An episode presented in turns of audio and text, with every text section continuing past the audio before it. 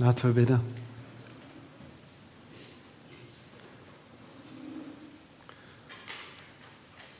Vader in de hemel, dank u dat we hier mogen zijn en u mogen aanbidden. Meer dan de sterren van de hemel, meer dan het water van de zee, houden wij van u. Want u heeft uw liefde eerst in ons uitgestort. In uw Zoon Jezus Christus. En we zijn u daar zo dankbaar voor. Wat een vrijgevige liefde is dat. En we bidden, Heer, dat als we uw woord open doen en daarover nadenken, dat we mogen zien dat uw vrijgevigheid alles gekost heeft en grenzeloos is geweest. En dat we daar ja, in mogen baden, Heer. Dat we daarin mogen verblijven. Dat we dat mogen koesteren. Dat we weten dat we geliefd zijn in U. Omdat U zo vrijgevig bent geweest om Uw Zoon te geven. En we bidden dat U dit moment zegent en dat U komt met Uw Heilige Geest en werkt onder ons en in ons. Opdat U groter wordt in onze harten. Vorm ons naar Uw Zoon. In Jezus' naam. Amen.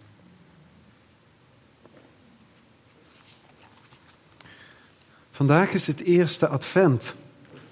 Het is precies vier weken voor kerst vandaag. Precies vier weken. En dit is eh, de periode waarin we naar kerst toeleven. Periode waarin we samenkomen, elkaar ontmoeten, liefde geven, liefde mogen ontvangen, uit mogen delen aan anderen. En dat is waar kerst ook voor mensen die zich niet christen noemen, voor staat. Samenkomen, delen, liefde geven, liefde ontvangen. Maar het karakter van kerst, het karakter van kerstmis, laat ons iets zien van degene door wie kerst is ontstaan. Het laat iets zien van het karakter van God zelf. God heeft als geen ander lief. Hij heeft als geen ander uitgedeeld met kerstmis. Hij heeft als geen ander gegeven aan anderen.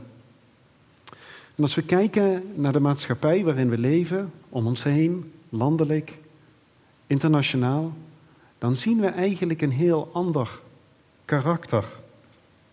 Dan zien we dat mensen die des te meer macht en rijkdom hebben, er alleen maar nog meer van willen hebben. Misschien denken ze dat ze daar hun vreugde en hun vrede in vinden, maar dat is niet zo, want als ze dat zouden vinden, dan hadden ze het al. Het lijkt alsof onze maatschappij om ons heen steeds dieper wegzakt. En de vrijgevigheid van God, zo zichtbaar in kerstmis, staat eigenlijk in schril contrast met de ontwikkelingen die we om ons heen zien in de wereld. Maar ondanks dat contrast verandert Gods vrijgevigheid niet. Hij verandert niet. Hij blijft zichzelf trouw. Hij verandert niet. En zijn boodschap van vrijgevigheid is ook nog vandaag voor iedereen die het wil ontvangen. En vandaag gaan we naar het boek van Johannes. Johannes, de discipel van Jezus die de discipel van de liefde genoemd wordt. De discipel van de liefde. Hij schreef één van de evangeliën en hij schreef ook nog drie brieven, waar we vandaag nog steeds in kunnen lezen hoe hij schrijft over de liefde van God. Niemand schrijft daar zoveel over als hij. En een van de eerste momenten dat Johannes daarover schrijft is helemaal in het begin van het evangelie van Johannes in Johannes hoofdstuk 3. En dan schrijft hij over dat moment dat Jezus bezocht wordt door Nicodemus in de nacht. Nicodemus bezoekt hem, een van, de, van de leiders van het volk was hij. En hij komt in de nacht, Nicodemus wil niet gezien worden. En hij begint een gesprek aan te gaan met Jezus. En dat lezen we in, in hoofdstuk 3. En de versen die we gaan lezen, die zijn eigenlijk de kern van dat gesprek wat Jezus met Nicodemus heeft. Johannes 3, vanaf vers 14 tot en met vers 17 gaan we lezen. En Jezus die zegt dan tegen Nicodemus het volgende. Zoals Mozes de slang in de woestijn verhoogd heeft, zo moet de zoon des mensen verhoogd worden. Opdat ieder die in hem gelooft niet verloren gaat, maar eeuwig leven heeft. Want zo lief heeft God de wereld gehad, dat hij zijn enige geboren zoon gegeven heeft, opdat ieder die in hem gelooft niet verloren gaat, maar eeuwig leven heeft. Want God heeft zijn zoon niet in de wereld gezonden, opdat hij de wereld zou veroordelen, maar opdat de wereld door hem behouden zou worden. Nou, in de Bijbel zien we dat als God iets wil benadrukken, of als de schrijver iets wil benadrukken, dan herhaalt diegene dat. Dat zien we op heel veel plekken in de, terug, in de Bijbel terugkomen. Benadrukken van iets betekent herhalen. In het gesprek dat de Heer Jezus hier heeft, zien we dat de Heer Jezus tot drie keer toe hetzelfde tegen Nicodemus zegt. Tot drie keer toe in drie op één volgende versen. Jezus zegt hier als het ware, wat ik je nu ga zeggen, dat wil ik van de daken schreeuwen. Ik wil dat je dit begrijpt. Ik noem het niet twee keer, maar ik noem het tot drie keer toe. En hij zegt hier in vers 15, opdat ieder die in hem gelooft niet verloren gaat, maar eeuwig leven heeft.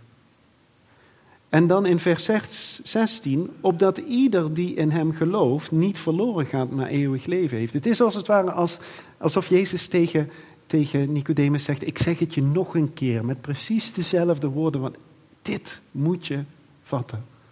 En dan zegt hij, zegt hij in vers 17, opdat de wereld door hem behouden zou worden. Het eeuwig leven ontvangen is hetzelfde als behouden worden. En Jezus zegt dat in drie op één volgende versen. Achter elkaar zegt hij dat tegen Nicodemus. En midden in deze passage, passage staat vers 13. Zo'n bekend vers voor veel, veel mensen onder ons. Johannes 3, vers 16. En daar zegt de Heer Jezus het volgende. Want zo lief heeft God de wereld gehad, dat Hij zijn enige geboren zoon gegeven heeft, opdat ieder die in Hem gelooft niet verloren gaat, maar eeuwig leven heeft. En we zien daar drie elementen in terugkomen. Drie elementen. God heeft de wereld lief. Daarom geeft God zijn zoon. Geloof en ontvang eeuwig leven.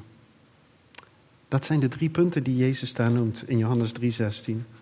En we lazen net al die woorden van de Heer Jezus. Want zo lief heeft God de wereld gehad. Die woorden die moeten chockerend geweest zijn voor Nicodemus. En dan zegt u misschien chockerend. Want Jezus zei, zo lief heeft God de wereld gehad. En de Joden in die tijd dachten, ja maar God houdt van ons als volk. God houdt van het Joodse volk. Het Joodse volk is de oogappel van God. En Jezus gebruikt hier een woord dat heel duidelijk wereld betekent. Hij zegt niet, maar Gods liefde is alleen voor het volk. Gods liefde is voor heel de wereld. Dus de Heer Jezus geeft daar echt een compleet nieuw beeld aan wat Gods liefde betekent. Je ziet dat ook als we later in Handelingen lezen. En Petrus die gaat naar Cornelius toe en legt het evangelie uit. Hoe hij moet uitleggen dat God ook de Heilige Geest aan niet-Joden gaf. In Handelingen 10. Het was echt shocking news wat Jezus daar deelt met Nicodemus. Maar God heeft de wereld lief. En God heeft de wereld niet zomaar lief, hij heeft de wereld zo lief.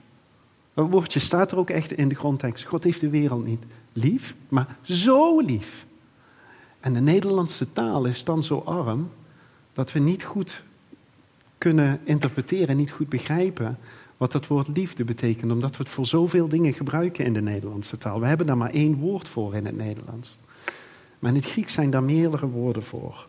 En het woord wat daarvoor gebruikt wordt hier in de tekst is een zelfopofferende liefde. Een trouwe liefde, zelfs als die ander niet trouw is. Zelfopofferende liefde, liefde die niet verandert. En die bereid is om alles Een liefde die dus veel verder gaat dan wij gewend mogelijk zijn. En in de Bijbel, daar zien we, vinden we een verhaal van een man die 700 jaar voor Christus leefde. En zijn naam was Hosea. En ik wil kort bij zijn leven stilstaan om te zien hoe kostbaar die liefde, hoe groot, hoe omvangrijk die liefde van God is. En we zien in het boek van Hosea dat God hem roept en zegt: Hosea, je zult profeet zijn.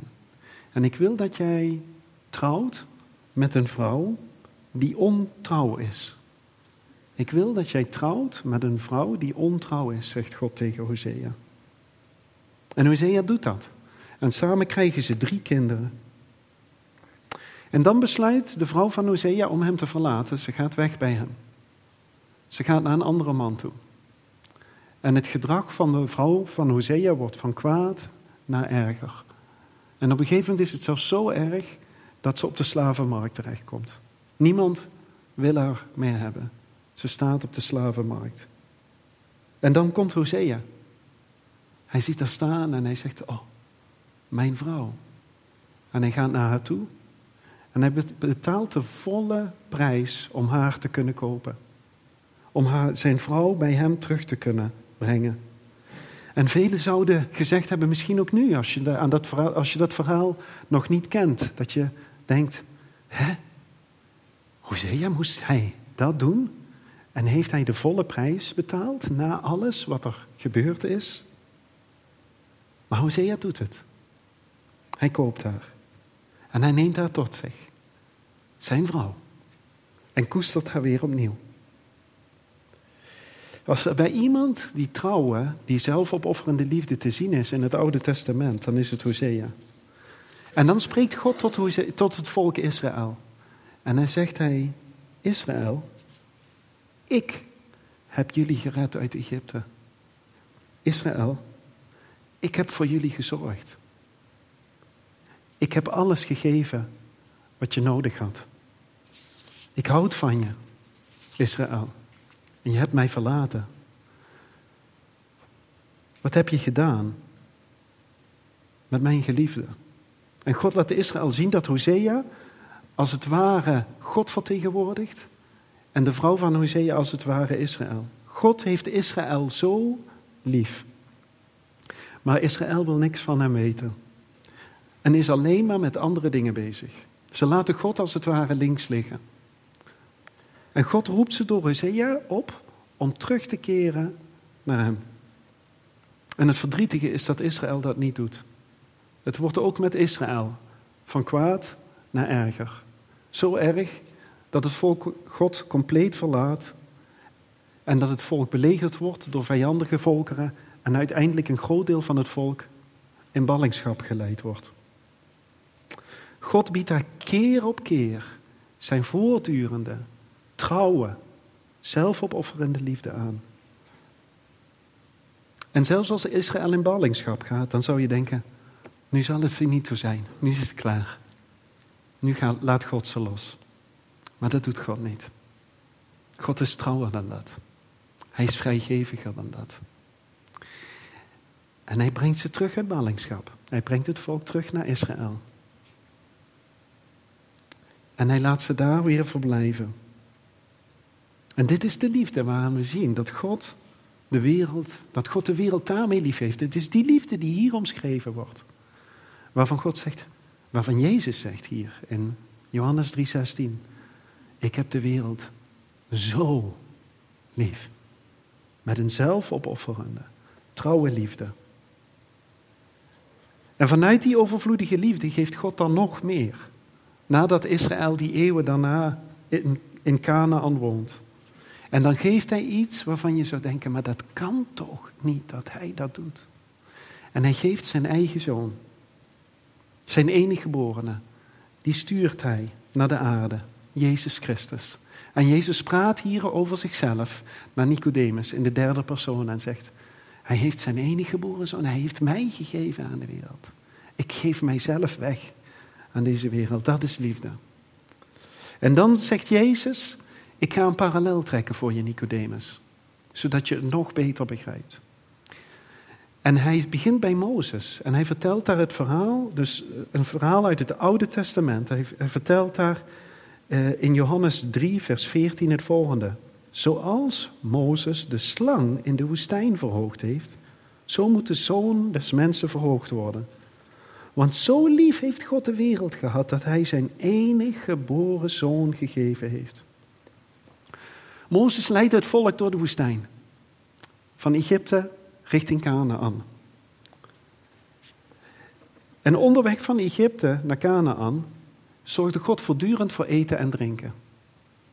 Voor een volk van ruim boven 1 miljoen mensen was het namelijk niet, menselijk gezien, niet mogelijk om zelf voor eten en voor drinken te zorgen.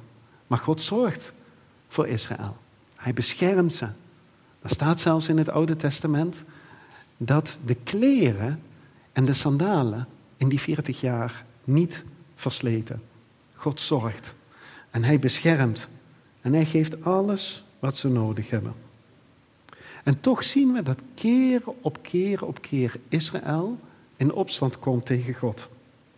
Ze klagen omdat ze niet tevreden zijn. En ze zeggen tegen God, eigenlijk als het ware, u doet het niet goed genoeg. U had ons beter in Egypte kunnen laten sterven, zeggen ze letterlijk. En bij alles wat God geeft en doet, krijgt hij te horen, u doet het niet goed genoeg. Israël wil eigenlijk luxe en overdaad, maar ziet niet in dat luxe en overdaad haar juist weg zal drijven bij God. En dan zien we het verhaal waar we nu bij aankomen, waar Jezus ook aan refereert, dat God toestaat dat er gifslangen onder het volk komen. Er komen gifslangen in het kamp. En dan lezen we het volgende in Numeri. En dit is het stukje waar Jezus aan refereert. Numeri 21, vers 7 tot en met 9. Het volk kwam naar Mozes toe. Zij zeiden, wij hebben gezondigd, want wij hebben tegen de Heere en tegen u gesproken. Bid tot de Heere dat hij de slangen van ons wegneemt. Toen bad Mozes voor het volk. En de Heere zei tegen Mozes, maak u een gifslang en zet hem op een staak. We weten dat dat een bronzen gifslang is geweest. Het zal gebeuren dat ieder die gebeten is, in leven zal blijven als hij daarnaar kijkt. Toen maakte Mozes een koperen slang, sorry, koper, koperen slang en zette hem op de staak. En het gebeurde, als de slang iemand beet, dat hij naar de koperen slang keek en in leven bleef. Het volk zondigt. En ze vragen, God, kom met een oplossing. En de oplossing moet zijn dat de slangen weg zullen gaan. Maar die oplossing die geeft God niet. God komt met een andere oplossing. Hij zegt dat Mozes een koperen slang moet maken en die op een staak, op een paal moet zetten. Hoog boven het volk uitstekend, zodat mensen ernaar kunnen kijken. En als mensen ernaar kijken en geloven dat die slang genezing brengt, dan zullen ze ook genezen van die gifslang, van die beet van die gifslang. Telkens als iemand gebeten is, kijkt diegene naar de slang. Die, slang, die, slangen die waren er als gevolg van de zonde. Het volk had zich van hem afgekeerd. de slangen zijn als het ware een teken van de zonde. En degene die gebeten is door dat teken van de zonde, moet geloven dat die koperen slang op die paal genezing brengt van het gevolg van de zonde. En Jezus zegt daarover dan, lazen we net in Johannes 3, vers 14, zo moet de zoon des mensen verhoogd worden. En Nicodemus moet gedacht hebben, zo moet de zoon des mensen verhoogd worden. Wat bedoel je daarmee, Jezus? Moet jij op een paal verhoogd worden? Het is toch bijzonder dat we zien dat Jezus helemaal aan het begin van zijn bediening, in Johannes 3, precies wist wat er ging gebeuren. En dat hij voortdurend door bleef gaan. Ik weet dat ik straks verhoogd zal worden op een paal, aan het kruis. Ik weet dat ik afgewezen zal worden door alle mensen. Maar ik ga door en ik ga door En ik ga door en ik geef mijzelf volledig. Hij weet tot in detail waarvoor hij naar de aarde gekomen is. En hij weet ook tot in detail wat er gebeuren zal. Hij zal verhoogd worden op een paal, aan een kruis. En daarvoor voor de zonde van anderen sterven. Zoals de koperen slang op de paal verlossing bracht voor hen die gezondigd hadden. Zoals de slang op de paal mensen die dit geloofden redden van de dood. Zo redt Jezus offer het, aan het kruis de mensen die geloven van de eeuwige dood.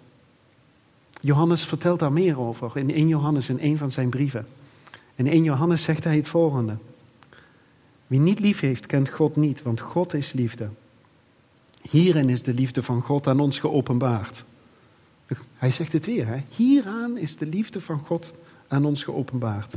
Dat God zijn enige geboren zoon in de wereld gezonden heeft, opdat wij zouden leven door hem. Hierin is de liefde. Niet dat wij God lief gehad hebben, maar dat hij ons heeft lief gehad en zijn zoon zond als verzoening voor onze zonden. God gaf zijn zoon. Jezus kwam naar deze wereld om hier te sterven, aan het kruis. En verzoening te brengen over zonde. In 2 Korinthe legt Paulus het weer op een andere manier uit. Want hem die geen zonde gekend heeft, heeft God voor ons tot zonde gemaakt, opdat wij zouden worden gerechtigheid van God in hem. Paulus die zegt, Jezus en zijn offer aan het kruis is de enige weg waardoor wij rechtvaardig voor God kunnen staan. Zonder Jezus kunnen we niet rechtvaardig voor God staan. Zo zegt Jezus het zelf in Johannes 3, 14, 15, 16 en 7 tot drie keer toe. Johannes zegt het in 1 Johannes 4. Paulus zegt het hier in 2 Korinthe. En zo zien we het keer op keer op keer. God geeft alles wat hij kan geven. Hij geeft het allerkostbaarste wat hij kan geven. Hij geeft zijn eigen zoon. Er was dus een meisje en zij, haar vader zei, kom eens bij me. En hij zegt, ik heb twee briefjes van vijf euro voor je. Dat ene briefje, dat mag je zondag geven als je in de kerk bent. Dan doe je dat in de collecte. En met dat andere briefje mag je kopen wat je wilt. En dat meisje die denkt, yes, vijf euro voor mezelf. En ze pakt die vijf euro. Ze heeft twee briefjes van vijf euro. En ze zegt, pap, mag ik naar de snoepwinkel? En, en de vader zegt, ja natuurlijk schat. En ze gaat naar de snoepwinkel. En onderweg naar de snoepwinkel is ze al aan het dromen wat ze van die, e, van die ene vijf euro gaat kopen. En terwijl ze aan het dromen is, ziet ze, ziet ze de stoep niet en ze valt. En een van die twee briefjes waait uit haar hand. En die gaat in de put. Valt in de waterput aan de kant van de weg. Dus ze heeft nog maar één briefje in haar hand. Dus ik kijk naar dat briefje in de hand naar het briefje in de waterput. Nou God, daar gaat u vijf euro. En dan, en dan gniffelen we misschien een beetje als we daarbij stil als we dat horen, dat dat meisje dat zegt. Maar soms, dan zijn we zelf ook zo en dan zeggen we, maar vijf euro van mij. Ik vind het zo moeilijk om te geven. Wat gaat u daarmee doen? Ik hou het voor mezelf. Maar God is zo niet. Hij zegt, ik geef jou alles. Het allerdierbaarste wat ik heb. Het allerkostbaarste wat er in hemel en op aarde te vinden is. Hij die de balans doet doorslaan. Hem offer ik op. Zonder mezelf te weerhouden. Ik geef hem helemaal. En Jezus zegt, ik ben diegene. En de Vader heeft mij aan jou gegeven. Aan de wereld gegeven. Helemaal. Kijk eens hoe vrijgevig mijn hemelse vader is. Hij houdt zich niet terug. Hij houdt zich niet terug.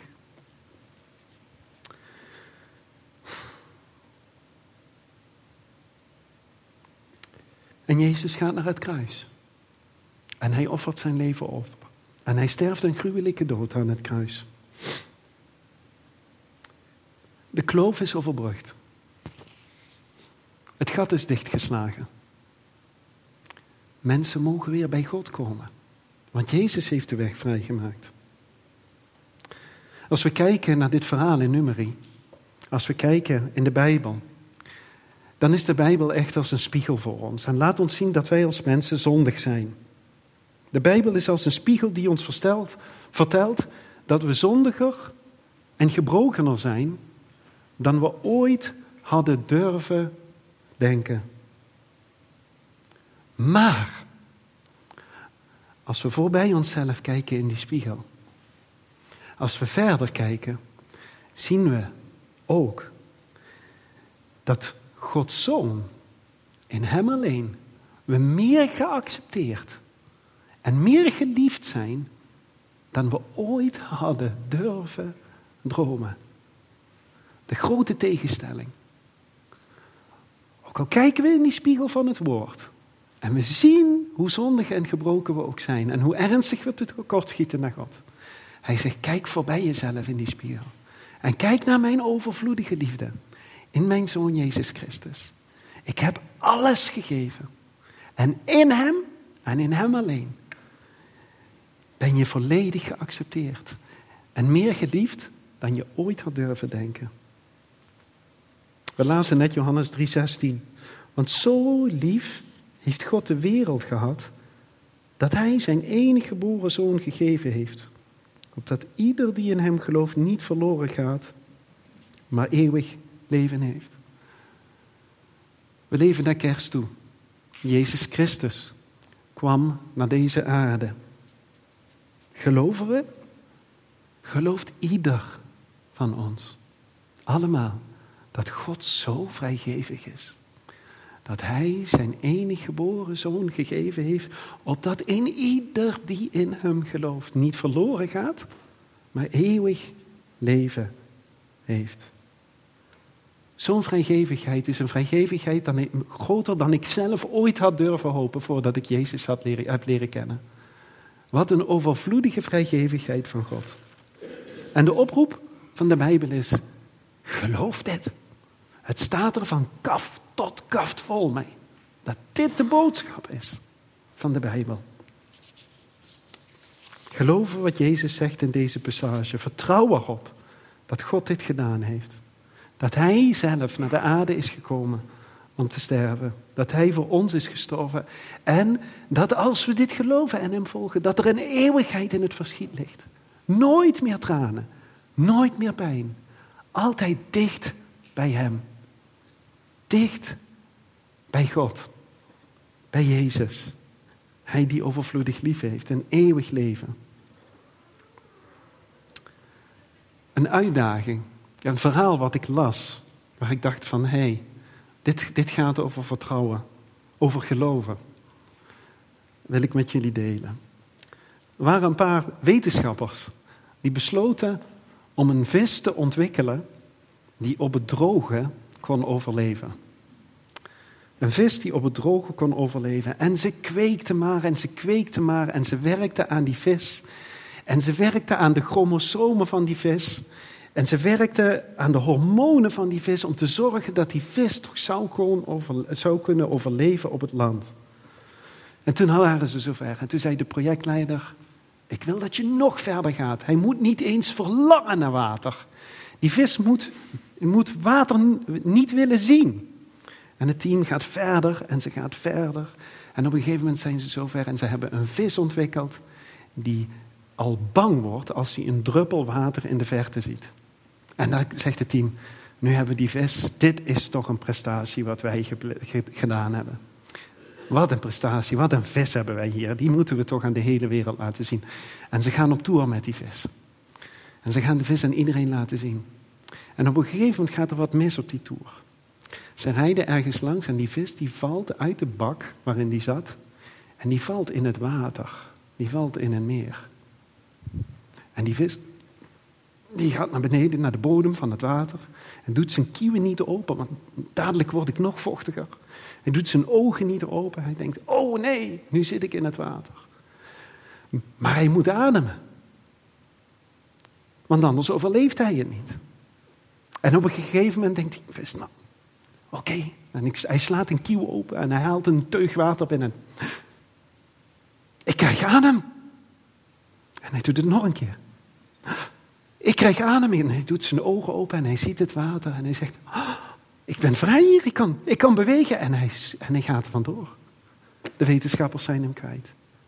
En de vis is verwonderd in die nieuwe omgeving. Blij. Dit is mijn thuis. Dit had ik nooit durven denken. Wat een fijne omgeving is het water hier. Wat een bijzondere omgeving is dit. En de vis is verwonderd. Ik denk dat als ik hier rondvraag aan mensen onder ons, dat we zeggen, en toen ik Jezus ontmoette, was het als dit. Ik was vol verwonderd. Want in Hem leven wij en bewegen wij en mogen wij zijn. Zo zegt het Nieuwe Testament. Het. In Hem leven wij, bewegen wij en mogen wij zijn. En die verwondering. In de wereld waarin we zo geconditioneerd zijn dat we denken van, hé, hey, deze, deze, Jezus, of, eh, deze Jezus bestaat niet, God bestaat niet. Er wordt niks over het evangelie gedeeld, het mag niet bekend worden. En in deze wereld, in deze wereld, houdt God het evangelie ons voor en zegt hij, verwonder je hierover. Vertrouw op hem. Open je ogen. Open je kieuwen. Drink het in. Dit is wat God wil. Hij wil ons samenbrengen met Hem. Hij is een vrijgevig God. Over vier weken is het kerstmis. De grote vrijgevige van kerst is God zelf. Hij is de grote vrijgevige van kerst en niemand, niemand anders. Het grootste geschenk dat de wereld ooit heeft ontvangen en zal ontvangen, is zijn zoon Jezus Christus. Hij is het grote godsgeschenk. Ieder die in Hem gelooft, die op Hem vertrouwt, zal eeuwig leven hebben en niet verloren gaan. En Jezus legt het ons hier tot drie keer toe uit. Hij zegt, vergeet het niet. Dit is waar het om gaat. Neem het aan, neem het aan en het zal je nooit meer ontnomen worden. Nooit meer. Als we dan nu naar het nieuws kijken of naar andere dingen kijken en we denken, wat is er toch gaande in de wereld? Wat wordt er toch veel genomen en afgenomen? Dan is dit de boodschap die wij uit te dragen hebben naar kerst toe en ons hele leven lang. Want al neemt de wereld af en al wordt er afgenomen. Wij hebben een God die vrijgeviger is dan je waar dan ook maar kunt vinden. Hij is een vrijgevig God. En dat is wat we vieren met kerstmis. En dat is de boodschap waar wij ons aan vasthouden. Ons leven lang. Dat is wat we met woord en daad ook willen uitdragen naar kerst toe. Hij is een God die vrijgevig is. Die alles heeft gegeven. En in wie we alles hebben. Meer dan Hem hebben we niet nodig. Mijn gebed is, en daar wil ik mee afsluiten, dat dit voor ieder van ons zo zal zijn. Dat als we naar huis gaan, als we deze weken doorgaan, als we ons leven doorgaan, dat dit de boventoon mag zijn. Dat dit ons lied mag zijn.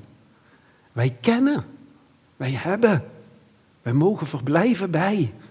We dienen een heel vrijgevige God. Ons leven lang. Laten we bidden. O Vader in de hemel, wat is het heerlijk om uw evangelie te mogen lezen, te mogen ontdekken, te mogen koesteren, te mogen zien dat u het uitreikt aan mensen, aan heel de wereld en ook hier aan ons in Midden-Limburg.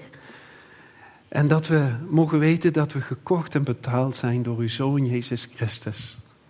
Dat Hij ons heeft vrijgekocht. Wat een liefde. Wat een vrijgevigheid, Heer. We danken U voor uw genade.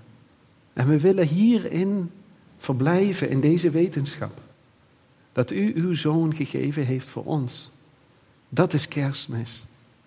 Dat is wat we willen uitdragen. Geef dat niemand in deze zaal dit aan zich voorbij laat gaan. Dat ieder van ons het omarmt en zegt: Ja, op Hem wil ik vertrouwen. Ik wil mijn ogen openen. Ik wil die, die teug nemen en vertrouwen op Hem. Dat bidden we u. In Jezus' naam. Amen. O Vader in de hemel. We zijn zo dankbaar, Heer, voor wat U heeft gedaan. Uw vrijgevige, trouwe, overvloedige liefde verwondert ons. Hoe groot bent U, Heer? En we danken U, Heer, dat U ons ook uw zegen wilt geven. En die zegen is, de Heere zegenen en behoede U. De Heere verheffen zijn aangezicht over u. En doe zijn aangezicht over u lichten en geef u vrede. De Heere verheffen zijn aangezicht over u. En geef u de vrede van Jezus Christus. Halleluja. Amen. Amen.